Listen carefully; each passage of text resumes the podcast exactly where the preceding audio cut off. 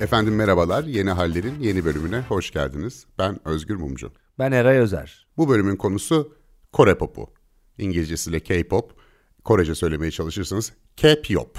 Özgür Bey burada araya girmek istiyorum. Buyurun. Bu konuyu neden seçtiniz? Bu sefer ben size soru sorarak başlayayım. Niçin Kore popu hocam? Şimdi tabii insan belli bir yaşa geldiği zaman e, gençlerden kopmamak için vardır ya böyle tatil sitelerinde falan. Sen gençsin 16-17 yaşındasın böyle bir amca gelir yanına işte babanın falan da arkadaşıdır.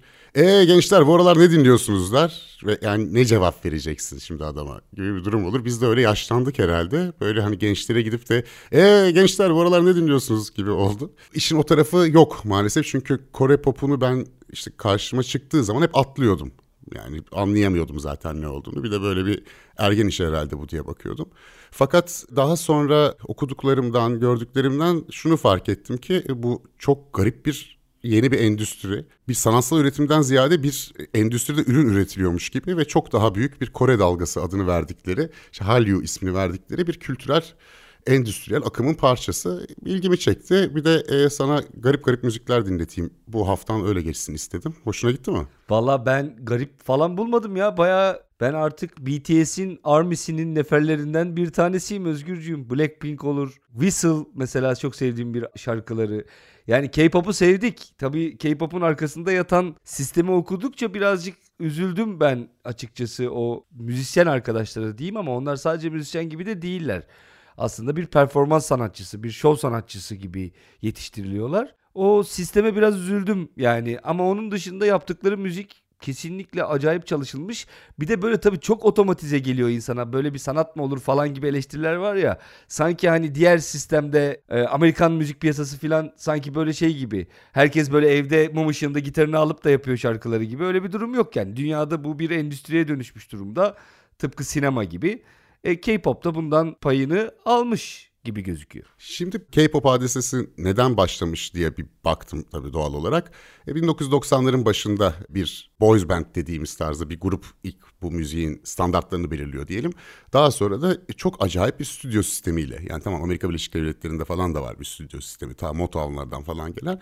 Burada bambaşka bir stüdyo sistemi kuruluyor ve sanatçıların neredeyse bir işçiye dönüştüğü, bir ürüne dönüştüğü bir durumla karşı karşıyayız. Ve bunun köklerini yani müzikal kökleri 1990'larda olsa da 97 Asya ekonomik krizine bağlıyorlar. Ve Kore doğal kaynağı tarım arazisi çok olmayan bir ülke ve 1970'li yıllara kadar ekonomik olarak neredeyse Kuzey Kore'nin bile altında. Şimdi 1960'larda en borçlu dördüncü devlet falan. Yani çok iyi durumda bir ülke değil. Daha ziyade montaj ve ihraç sanayi var. 1997 krizinde şunu fark ediyorlar. Biz bu montaj ve ihraç temelli montaj sanayiyle devam edemiyoruz. Ne yapalım o zaman? Kültür satmaya başlayalım. Popüler kültüre ve bilişime odaklanıyorlar. Ve daha 1994 senesinde krizden biraz evvel tamamen geniş bantla donatıyorlar Kore'yi. Kore'de şu anda ortalama bağlantı hızı kat be kat yüksek Kuzey Amerika'dan bile. Yani o anlamda bir iletişim alt, altyapıları var. Bunun e, üzerine de bir kültür, popüler kültür endüstrisini devlet destekli bir şekilde meydana getiriyorlar. Ve işte Kore dizileri, Kore dramaları falan onları zaten biliyoruz. Bunun yanı sıra Kore popu da giderek kuvvetlenip parlıyor ve bir uluslararası bir fenomene dönüşüyor. Ve CG Entertainment isminde o büyük, üç büyük birazdan da bahsedeceğimiz plak şirketlerinin yöneticisi şey diyor yani amacımız bir şarkıcıyı zengin etmek ya da bir Kore istilası değil, dünyanın Kore kültürünü direnmeksizin kabul etmesi diyor. Ve sanırım da başarılı oluyor gibiler ne dersin? Evet başarılı olduğuna dair hiçbir şüphe yok. Çok büyük bir disiplinle ve böyle adım adım planlayarak ortaya koymuşlar. Tabii ama şöyle bir şey var. Ülke olarak da aslında böyle bir şeye birazcık ihtiyaç duymuşlar. Çünkü 1900 60'lardan 1987'ye kadar iki tane askeri junta ve darbe atlatıyorlar. 1987'de onların meşhur bir Haziran ayaklanması var. 10 Haziran'da başlayan bir sivil toplum hareketliliği ve arkasından da büyüyen kitleselleşen bir demokrasi talebi var ve daha sonrasında da aslında 87 birazcık da demokrasiye geçişin tarihi olarak gözüküyor. Her ne kadar bir önceki başkanın öngördüğü başkanı hemen bir sonraki sene yapılan ilk genel seçimde seçmiş olsalar dahi netice itibariyle demokrasiye ilk adımı 87'de atıyorlar. Şunun için önemli aslında popüler kültür bu demokrasi inşasıyla at başı gidiyor. Bunun niye önemi var? Çünkü popüler kültür de demokrasi kültürüyle beraber büyüyor. Şimdi bizde mesela o kadar öyle değildir. Yani bizde de askeri cuntalar gördük, 12 Eylül falan gördük ama bunun dışında ilerleyen bir popüler kültür alanı vardı. Fakat diyorlar ki mesela örnek pop müziği televizyona doğdu diyorlar zaten direkt yani. Doğduğu yer televizyon. Bizde de 90'lara damga vuran pop dalgası var ama bizde öyle değildi. Öncesinde de radyoyla tüketilen, albümle, plakla tüketilen bir müzik kültürü varken Kore'de söylenen şey şu. Hayır abi burada demokrasi kültürü ne zaman ki bir şekilde bir söylem alanı buldu kendisine aynı anda televizyonların yaygınlaşmasıyla beraber pop müzik bu sistemin, bu kültürün içine doğdu. Nitekim gelişimi de birazcık böyle olmuş gibi gözüküyor. Evet tabii burada dört başı mamur harika bir demokrasinin geldiğini söyleyemeyiz. Yani Güney Kore'de de e, demokratik gelişmeler elbette olur. Orası çok çalkantılar yaşayan bir ülke. Fakat tabii askeri cuntalarla aynı olmuyor. E, neticede görece de olsa bir özgürlük alanı e, ortaya çıkıyor. Bu arada 80'li yıllardaki Kore'deki demokrasi mücadelesini anlatan e, vejetaryen romanın ödüllü yazarı Han Kang'ın Çocuk Geliyor diye bir kitabı var. April yayın evinden çıkmış. O dönemdeki e, demokrasi hareketleri ve nasıl bastırıldığını e, vesaireyi de anlatıyor. Türkiye'ye çok benzeyen tarafları da var. E, onun da altını çizmek gerekiyor. Ama yine bu görece demokrasi ortamında ve Amerikanlaşmış bir kültürü var Kore'nin. E, Kore e, tarihi boyunca 400 defa askeri işgali uğramış. En son 1910'larda Japon askeri işgaline uğradıktan sonra Amerika'nın aslında bir anlamda işgaline uğruyor. İşte Kore Savaşı vesaire. Yani bağımsızlığına tam olarak kültürel otonomisine kavuşması falan zor bir ülke. Hatta 1920'lerde 30'larda Milli Marşı bile bir İskoç Marşı'nın bestesi üzerine yazılmış sözlerle.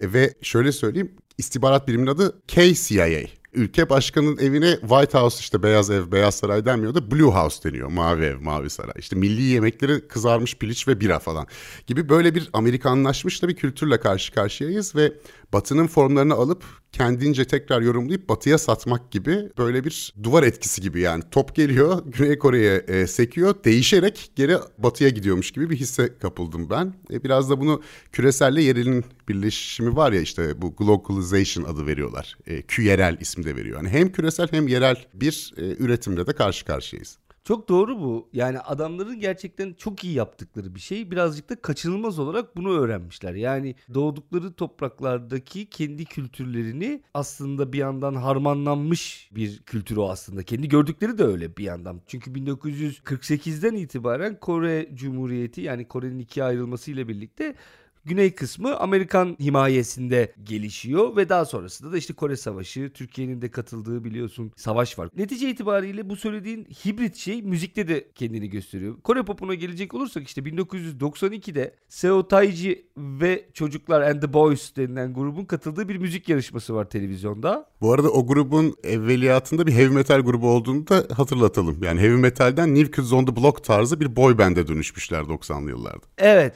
Yani şöyle Seo Taiji denilen arkadaşımız tek başına bir metal grubunun solisti ve gitaristi. Daha sonra yanına iki tane daha arkadaşını işte neyse artık iki kişiyi daha alıyor. Arkadaşlar mıydı bilmiyorum. Onlarla beraber 3 kişilik bir boy band olarak bir yarışmaya katılıyorlar. Yarışmada sonuncu oluyorlar. Acayip kötü eleştiri alıyorlar. Bu bizim O Ses Türkiye gibi bir şey herhalde. Jüri filan bunları hiç beğenmiyor. Bu ne saçmalık diyor. Çünkü bunlar böyle hip hop, R&B filan rap ritimleriyle dolu böyle I know İngilizcesi Nan Arayo diye bir şarkı söylüyorlar falan. Fakat şarkı e, yarışmada sonuncu olduktan sonra 17 hafta boyunca müzik listelerinde bir numarada kalıyor. Bu bana şunu hatırlatıyor. Bu Eurovision'a katıldığımız o eski günlerde TRT'nin bir müzik anlayışı vardı e, ve ona uygun olan besteler yurt dışına giderdi. Böyle yanılmıyorsam 80 öncesinde bir e, halk oylaması deniyor ve Ali Rıza Binboğa kazanıyor ve TRT'nin müzik otoriteleri arasında bir ciddi kaygıya yol açıyor bu. Çünkü e, işte alıştığımız bir armoni yapısı var, batılı formlar var. Ona uyguyan, uymayan birdenbire Ali Rıza bu Binboğa gibi birinin çıkıp o mimikleriyle, değişik müziğiyle ortaya çıkması biraz sanki onun gibi tabii müzikler çok farklı olmakla birlikte böyle bir e, kalıplaşmış bir müzik algısı var. Onlar ise bu gruplar ise dünyada olan yenileri alıp yeni müzik tarzlarını alıp kendileri onu bir şekilde yorumluyorlar ve otoritelerin hoşuna gitmese bile e, geniş halk kitleleri tarafından büyük bir karşılık buluyor. Ve Seo Taiji'nin bu başarısı 1992'de gelen başarısından sonra buradan e, SM Studio diye daha sonra SM Entertainment olarak bilinecek olan grubun Başındaki Lee So-man diye bir adam var. Bu adam Amerika'da müzik eğitimi almış. Kore'ye döndükten sonra yapımcılığa devam etmiş vesaire. 1989'da SM Stüdyo'yu kuruyor ve SM Stüdyo aslında bütün bu hikayenin başlangıcı oluyor. Şundan dolayı bu boy band işine birazcık uyanıyor Lee abi ve diyor ki ya ben bu topa gireceğim diyor. E işte HOT diye H-O-T o da High Five of Teenagers demekmiş. İlk bildiğimiz anlamda idol sistemi K-pop'un grubunu kuruyor ve başarılı oluyor. Fakat başarılı olmadan önce başarısız olduğu bir deneme var. O önemli. Şeyi anlamışlar. Stüdyo sisteminde öyle ben albümü yaptım, şarkıları seçtim, çocukları seçtim, onlara müzik öğrettim filan her şeyi kapsasa bile dağıtımda patlamış. Mesela demiş ki ha ben o zaman dağıtımı da kendim yapacağım filan deyip gerçekten de bu alanı, bu müzik endüstrisi alanını Lee abi 360 derece kapatmış ve daha sonrasında işte çok komik olan şey Seo Taiji and the Boys dediğimiz gruptaki üyelerden bir tanesi de bu işin içerisine girip yine bir stüdyo kuruyor kendisi ve o da şu anda sektörün devlerinden. Yani kendisi ne derler kuzuyken kurda dönüşmüş bir süre sonra. Yani sektör hızlıca 3 tane büyük müzik şirketinin etrafında oluşur hale geliyor ve bu insanlar ilk başlarda şunu yapıyorlar. Yetenekleri keşfediyorlar. Daha sonra bu değişecek. 2007'lerden 2008'lerden sonra yeteneği keşfetmeyip yeteneği de üretir hale gelecekler. Keşfediyorlar. Keşfettikleri yetenekleri, doğru şarkıları, doğru albümleri ve doğru pazarlamayı yaparak da piyasaya sürüyorlar.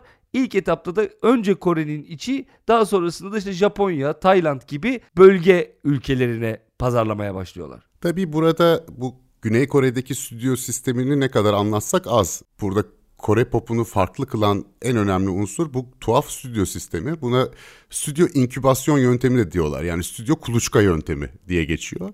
Şöyle ki mesela bin kişi başvuruyor bu stüdyolara. Bunlar aynı zamanda bir okul da gibiler. Bin kişi başvuruyoruz. Aralarından bir kişi seçiliyor. Yani neredeyse binde bir seçiliyor. Yetenekli genç çocuklardan 12-13 yaşlarında bunlar.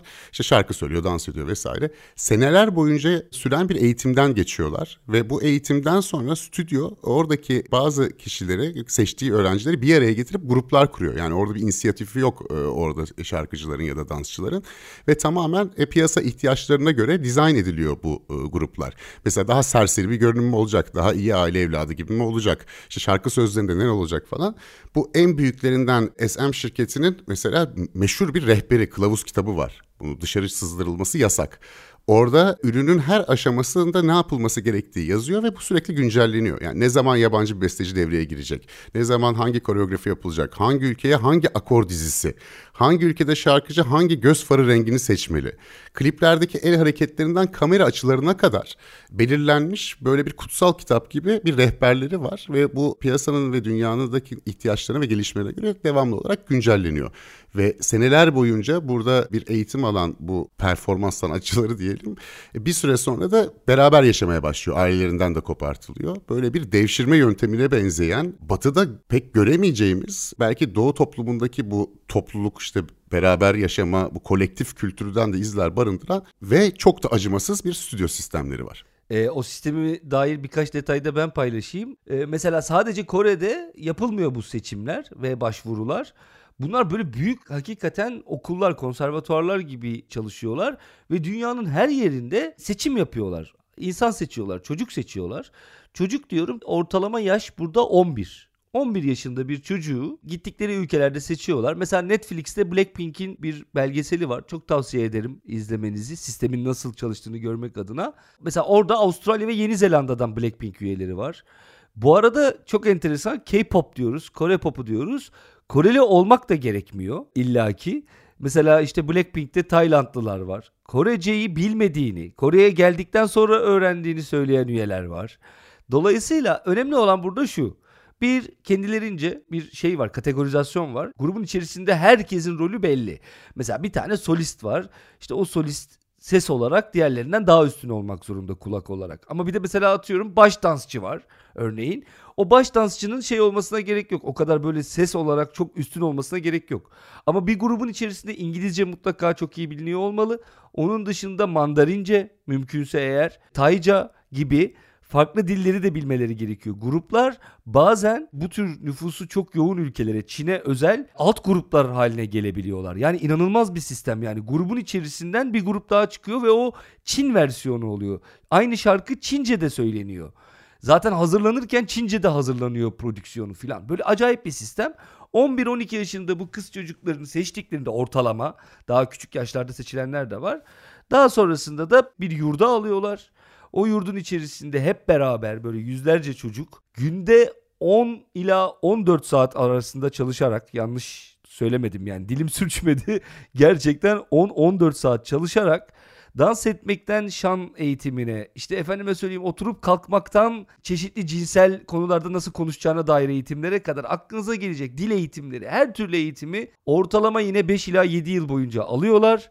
Ve daha sonrasında da Özgür'ün de dediği gibi böyle aralarında bir eşleştirme yapılıyor. Sürekli seçimler devam ediyor bu arada. 3 tane büyük seçim var ve her birinde elenebilirsiniz.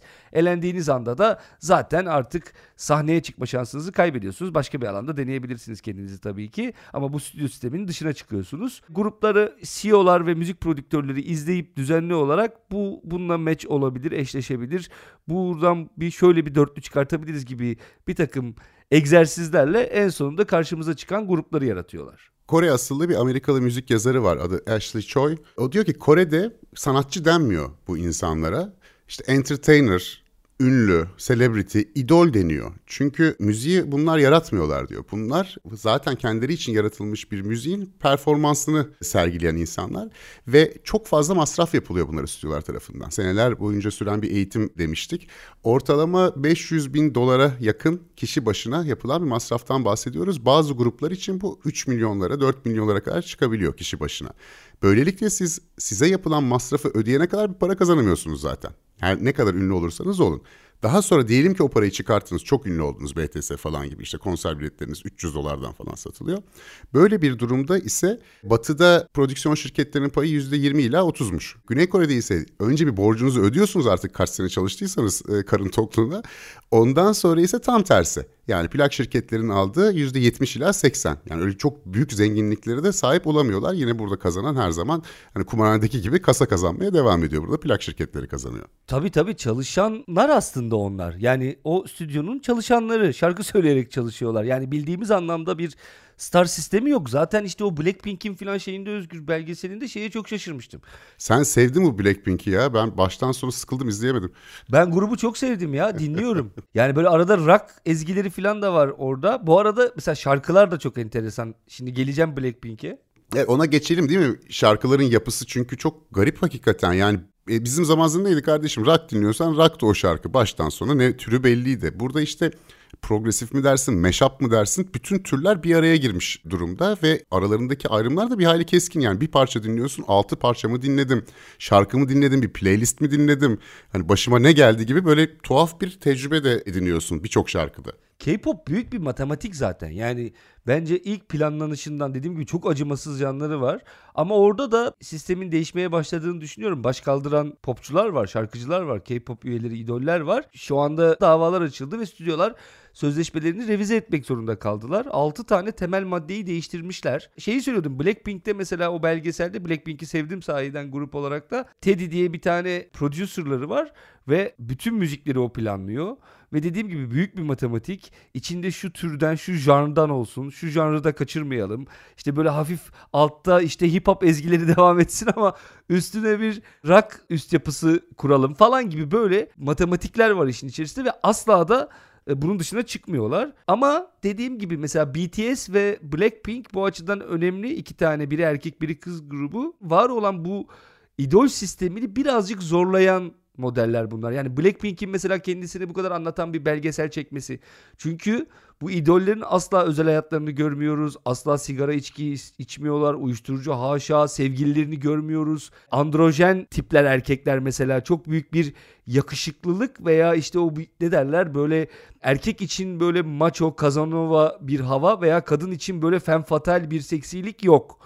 Burada böyle her şeyin ortalama olduğu, daha çocuksu imajlar üzerinden gidilen bir imaj çalışması var burada. Ama buna rağmen dediğim gibi Blackpink, BTS gibi gruplar kendilerini daha fazla öne çıkarıp karakterlerini daha fazla göstermek için de bu sistemi kırmaya çalışıyorlar. O da hoşuma gitti. Yani orada bir mücadele alanı da var. Bu ne kadar bir isyandır, ne kadarı hesaplanmıştır e, onu aslında konunun uzmanları daha iyi bilir. Çünkü BTS'yi çıkartan plak şirketi evet bu üç büyüklerden değil ancak e, onlardan kopmuş birilerinin kurduğu bir prodüksiyon şirketi. Başlarına şöyle bir şey geliyor BTS ilk çıktığı zaman ana akım işte televizyon kanallarında falan kendilerine yer bulamadıkları için sosyal medya üzerinden başlıyorlar tanıtmaya ve büyük bir başarıya ulaşıyorlar. Şu anda herhalde dünyada en çok tanınan grup oluyor. Bir de şarkı sözleri normalde çok steril. Yani hep neşeli, mutluyuz işte falan filan. E, hiç toplumsal sorunlardan fazla bahsedilmiyor. Cinsellik zaten e, zinhar yasak. Fakat BTS gençliğin bunalımlarından da hafif de olsa bahsetmeye başlayan bir grup. İş hayatının zorlukları, e, işte ne bileyim ergenlik bunalımları falan.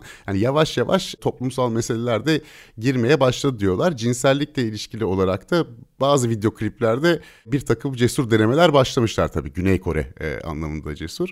Bu şeye gelmek istedim tekrar. E, tamamen kamusal personaları yönetiliyor bu e, insanların ve uyuşturucu mesela kesinlikle yasak. Şimdi Güney Kore gibi Asya devletlerinde uyuşturucu politikası hep çok serttir. Hep biliriz Singapur'da vesairede de. Çok ağır cezalar vardır.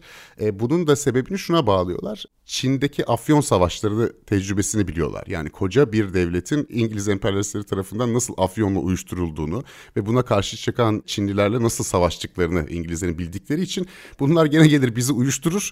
Aman ha deyip müthiş uyuşturucu karşıtı bir toplumsal ve siyasi yapısı var zaten bu devletlerin. Bu şeye yansıyor bu sanatçılara. Alkol yok, uyuşturucu yok, dışarıda tuvalet kullanmaları bile yasak, manitacılık yok. Ama bir yandan da bütün özel hayatlarını görüyorsunuz. Sosyal medya e, application'ları bizim kullandıklarımız dışında, dünyanın kullandıkları dışında Asya'ya özgü, kendilerine özgü bir sürü application'ları var. Orada Koreli sanatçıların kanalları var. İşte daha fazla para verip kliplerini izleyebiliyorsunuz, konserlerini özel izleyebiliyorsunuz. Kendi aranızda mesajlaştığınız bir sosyal medya platformu bu aynı zamanda. Ve bu Koreli şarkıcılardan, müzisyenlerden, işte neyse performans sanatçılarından doğrudan mesajlar da alıyorsunuz. Kendinize özel hissediyorsunuz. Şunu altını çizmek gerektiğini düşünüyorum. Sosyal medyada müthiş bir şeyleri var, varlıkları var. Ve dünyada büyük bir fan base'leri var. Ve bunlar şuna da yol açabiliyorlar. Mesela Black Lives Matter meselesinde BTS Black Lives Matter hareketine 1 milyon dolar destek verdiğini söyleyip siyasi bir çıkış yaptığı zaman dünyada yüz binlerce BTS hayranı aralarında para topladılar ve e, siyasi bir baskı oluşturmaya başladılar. Hem de bu White Lives Matter falan gibi işte beyaz hayatları da önemlidir diyen ırkçı beyaz üstünlükçü hashtaglerin altını babaladılar. Kendi Kore şarkılarıyla vesaireyle. Yani bir tuhaf anlaşılmaz bir şey oldu birçok insan için. Aslında o tarafın siyasi etkinliğini de azalttılar. Yani istenildiği zaman siyasete de çevrilebilecek bir güçleri var. Bir de şu şeyi söylemek istiyorum. Sonra sana bırakayım sözü tekrar. 2015 senesinde Kuzey Kore bir hidrojen bombası denediğini ileri sürmüş. Güney Kore'nin cevabı şu. Devasa hoparlörler koyuyor sınıra geceleri 24 kilometre, gündüzleri ise 10 kilometre kadar penetre edebilecek bir sesle Kore popu dinletiyorlar. Bütün Kuzey Kore'de hem de fiziki yöntemlerle yani hoparlörlerle. Çok acayip örnekler ve rakamlar söz konusu. Yani gerçekten inanılmaz. Hayranlık seviyesi falan da mesela K-pop hayranlarının hayranlığı inanılmaz. Bizde geçen gün Seda Akgül'dü galiba bir sunucu kadın. Karakterlerden bir tanesiyle ilgili böyle ileri geri konuşmuş. Yani aslında gerçekten cinsiyet ayrımcılığı yapan bir üslupla konuşmuş. Dakikasında zaten trending topikti. Irkçı Seda Akgül diye gördüm ben Twitter'da. Saniyesinde hemen hop diye paramparça etmişler. E, haklılardı ama yani şöyle yani öyle bilip bilmeden anlamadığın görmediğin, araştırmadığın şeyle ilgili sadece bakıp da böyle atıp tutmayacaksın. Şeye tabii değinmeden geçmek istemiyorum. Bir, birazcık rakamlar paylaşacağım ama ona geçmeden önce tabii Gangnam Style ve Psy'dan hiç bahsetmeden olmaz. O K-pop'un aslında onur mertebesinde duruyor gibi duruyor ama aslında K-pop'un genel şeyini yansıtmıyor. Biraz daha çocukları yakalayan müziğiyle vesaire bir yerde duruyor. Müzikal olarak belli başlı benzerlikleri var ama bu boy band ya da işte girl band dediğimiz veya idoller üzerine oturan e, figürlerden bir tanesi gibi değil say. E, ama tabii ki dünyanın e, gelmiş geçmiş en tanınmış Korelisi. Ban Ki-moon söylemişti herhalde yanlış hatırlamıyorsam. Saya kadar bendim. Benden sonra en tanınmış Koreli o oldu diye. Ve YouTube'da 1 milyar izlenme diye bir şey olduğunu YouTube'un kendisi de Say sayesinde ve Gangnam Style sayesinde öğrenmiş oldu. Çünkü Şöyle oldu orada. Hatta YouTube sayacını değiştirmek zorunda kaldı. Hane ekledi sayacı. Evet onu söyleyecektim ben de. Yani 999 milyon işte neyse 999 küsürden sonra 1 milyara gelecek gibi hesaplamamışlar o sayacı. Sayacı revize etmek zorunda kaldılar. Bugün 5. sırada Say ve Gangnam Style. Baktım yayına girmeden önce tüm zamanlara 3.9 milyar izlenmeyle. Birinci sırada da Luis Fonsi'nin Despacito diye bir şarkısı var. Biz hiç bilmiyoruz Özgür ben dinledim. Çok yabancı kalmışız. 7.1 milyar izlenmiş. Dedim ki kendime yani bir müziğin 7.1 milyar izlenmiş ve benim tarafımdan izlenmemiş olması benim bir ayıbımdır yani. Ama demek ki böyle yaş işte kültür falan çok etkili oluyor. Dinledim vallahi ilk onu dinledim ya. Böyle ayıp dedim her ay yani bunları nasıl 7, 7 milyar kere izlenmiş bir şey dinlemezsin diye. Blackpink de mesela tüm zamanların abone sayısında benim grup ikinci sırada 55.3 milyon YouTube abonesiyle. BTS 43.1 milyonla. Hemen bir iki rakam daha söyleyeyim çarpıcılığı açısından. İlk 24 saatte dinlenme sayısında BTS 101.1 milyonla birinci sırada. Bu arada senin söylediğin şey var ya çok takipçileri var falan. Bir yerde şöyle bir şey yazıyordu. BTS'in her diyordu tweet'i 250 bin ortalama etkileşim alıyor diye. Ben dedim ki 250 bin etkileşim ne ya? Ya öyle bir şey olabilir mi yani? 250 bin etkileşim her tweet yani. Şimdi baktım e, yok 400 bin 350-400 bin seviyesine gelmiş. Şaka değil yani atıyorum 300 bin like alıyor işte 100 bin de retweet alıyor filan gibi şu anda BTS'in Twitter hesabı. Evet bu haftayı çok saçma şeyleri araştırarak geçirmişiz. Ben de buradan hareketle şöyle bir notlarıma baktım. Guinness Rekorlar kitabı diye aslında biraz lüzumundan fazla önem verilen, onu da ayrıca bir yere konuşuruz. Hani Guinness'in Rekorlar kitabı çok tuhaf bir oluşum. Neyse ama Guinness Rekorlar kitabına göre Twitter'da en çok etkileşime girme rekoru BTS'de zaten. Ve 2018 senesine iTunes'da 65 ülkede birinci girmişler. İnanılmaz uluslararası bir fenomenle karşı karşıyayız ve e, şöyle izah ediliyor. Mutlu Binar Hoca var Hacettepe Üniversitesi'nde. E, bu Kore yeni dalgası diyeceğimiz, Kore dalgası dediğimiz hali konusunda Türkiye'deki en önemli, en uzman kişi. O ikiye ayırıyor bu K K-pop'ta ilk dalga komşu ülkeleri etki altına alma. İşte Japonya'da, Çin'de vesairede tutma. İkinci dalga bütün dünyayı ele geçirme dalgası. Bu arada temel aldıkları şey işte New Kids on the Block gibi e, boys bandler ve Japonya'daki J-pop diye de bir şey var çünkü zamanında. Ama Japonlar dünyaya yayılmakla ilgilenmemişler.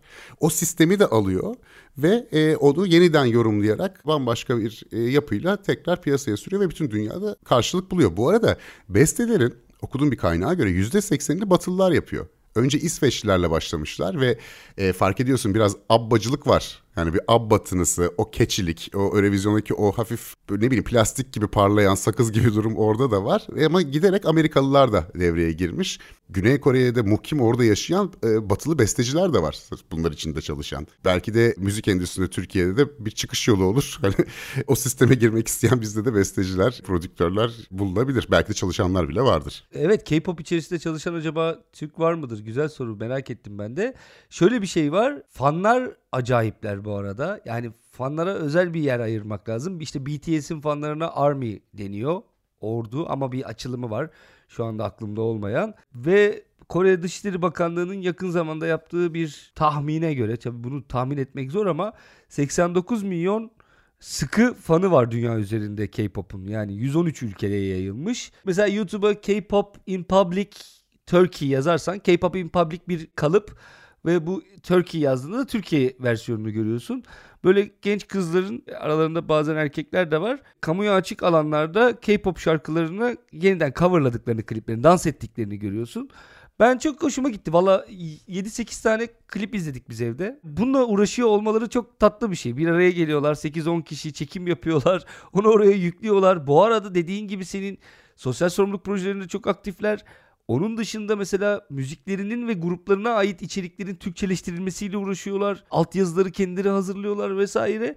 Yani böyle tabii ben o yaşlarda olsaydım muhtemelen böyle böyle bir akımla falan böyle bu ne ya bunlar ne yapıyorlar falan diye yaklaşabilirdim. Kesin öyle yapardım yani. Ama şimdi dediğim gibi bu durduğum yerden bakınca çocuklar, gençler müziklerle haşır neşir oluyorlar. Dinliyorlar Allah'ım yok işte kliplerini çekiyorlar, videolarla uğraşıyorlar, dans için kendilerini koreografi hazırlıyorlar falan. Bunlar bana iyi şeyler gibi geliyor Özgürcüm. Yani konuşmamızın sonuna gelirken hafiften böyle bir orkoluk yapmış oldum ama Uğraşsın arkadaşlar ne var tatlı tatlı uğraşıyorlar işte. Ya 1990'lı yılların başında TRT tek kanalken bir heavy metal belgeseli yayınlamış. Yani haber programı içinde bir dosya. YouTube'da bulmak mümkün. Orada en son Emre Kongar'a danışıyorlar. Tam olarak senin gibi konuşuyor heavy metal hakkında. Bunlar güzel çocuklar sanatla ilgilenirler ne güzel falan diyor. Sen de işte oradan kendine pay biç bir duayen olmaya doğru ilerliyorsun demek yani. Emre Kongar gibi sen de benzer lafları benzer yaşlarda söylemiş oldun gençler hakkında. Fazla bir şey değişmiyor belki. Hayır normalde bizden ya bizden beklenen böyle bir durumda şeydir ya böyle işte tamam evet yani o idoller kölelik sistemiyle yetişiyorlar. Ne bileyim ben çocuklar 11 yaşından 16 yaşına kadar çalıştırılıyorlar falan. Eyvallah tabii ki bunu görelim edelim anlattık zaten ama bir yandan da bu müzikle eğlenen adamları da hayatı dar etmek veyahut da işte Seda Hanım'ın yaptığı gibi orada ekranda görüp ay bu ne ya kadın mı erkek mi belli değil filan. Bunlar böyle çok üstten böyle yaklaşımlar. Öyle olmuyor işte hayatın kendi akışı. Onlar da onlarla o insanlarla mutlu oluyor. Ayrıca dediğim gibi ben de dinledim. Ben de beğeniyorum yani müziklerini. Yapacak bir şey yok. Allah Eray'cığım zaman geçtikçe yumuşuyorsun. Beni sen K-popçu yaptın arkadaşım. Ama sen... Bir kere hayatımda K de yoktu, pop da yoktu ya. Valla dünden niyetliymişsin ben ne yapayım? K-pop hatta değil mi Korece söylersek. Şimdi bu K-pop'un geleceği hakkında şöyle bir öngörüye rastladım. Diyorlar ki bu işi Çinliler alacak.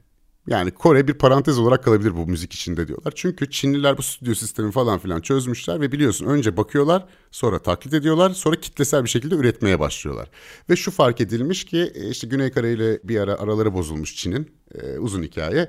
2016 senesinde fakat ufak çaplı bir kültürel ambargo yemiş Güney Kore Çin'den ve K-pop'u e, Çin streaming platformlarından kaldırmış ve büyük bir ciddi bir gelir kaybı yaşanmış.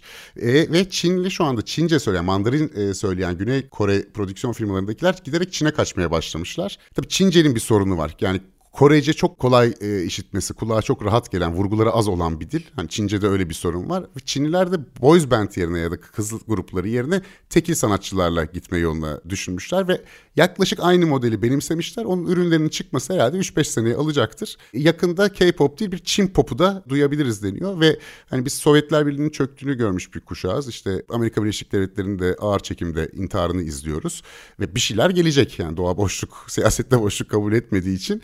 E, Çince öğrenmek için biraz geç ama biz en azından Kore popuyla, Çin popuyla bu e, yeni dünyanın en azından kültürel üretimlerine bir yerden temas edebiliriz.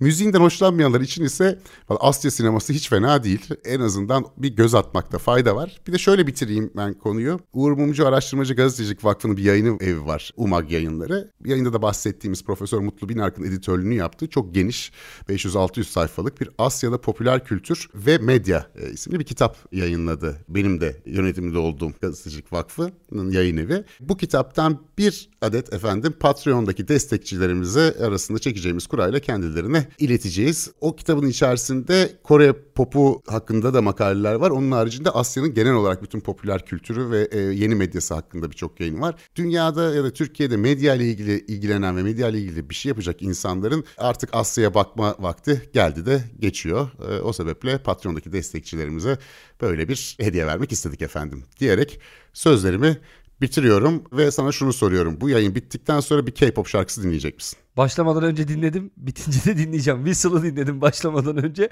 Bitince de bu sefer BTS ile bitireceğim. Ben de şunu söyleyeyim. Sadece biz popüler kültür vesaire kısmında birazcık ne olduğunu anlatmak istedik size ama aslında ne olduğunu anlattıktan sonra otursak şimdi iki program boyunca bunun hem popüler kültür ürünü olarak hem de bu soft power dedikleri ülkeler arasında bir örnek teşkil etme pozisyonu ve bunu da kültürle yapma işiyle ilgili iki program daha çekebiliriz. Çünkü K-pop bunun çok güzel bir örneğini sunuyor bize. Gerçekten de o kültür etrafında inşa edilmiş bir aslında dış politika var Kore dış siyaseti açısından. Özgür'ün dediği yere bağlamak için lafı buraya getirdim. Hallyu dedikleri Kore dalgası dedikleri akımın tersi de oluşmuş durumda. Bugün artık anti Kore hareketleri gözüküyor Kore'nin komşularında.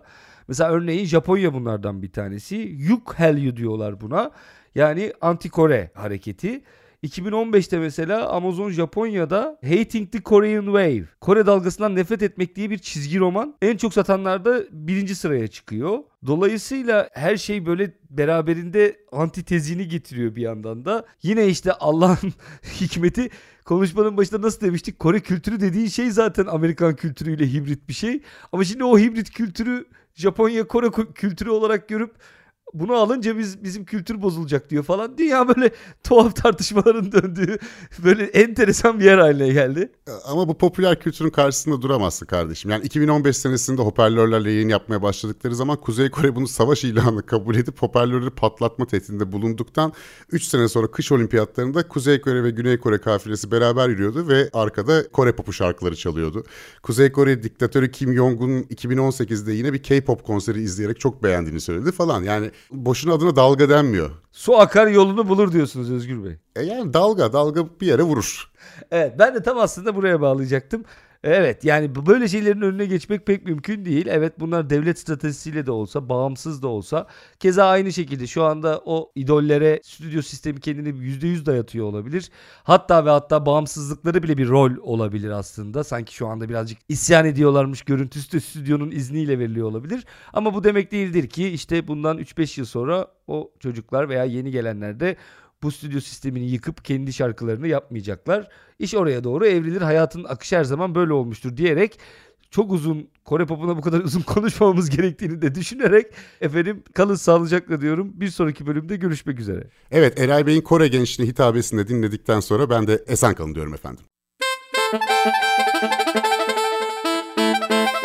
Merhaba. Bu bölüm biterken size ufak bir notumuz var. Yeni hallere destek olmak, bültenimize, konuklu özel bölümlerimize ve köşe yazılarımıza erişmek için Patreon hesabımızı ziyaret edebilirsiniz. Hesaba ulaşmak için patreon.com adresine yeni haller yazıp aratmanız yeterli. Teşekkürler.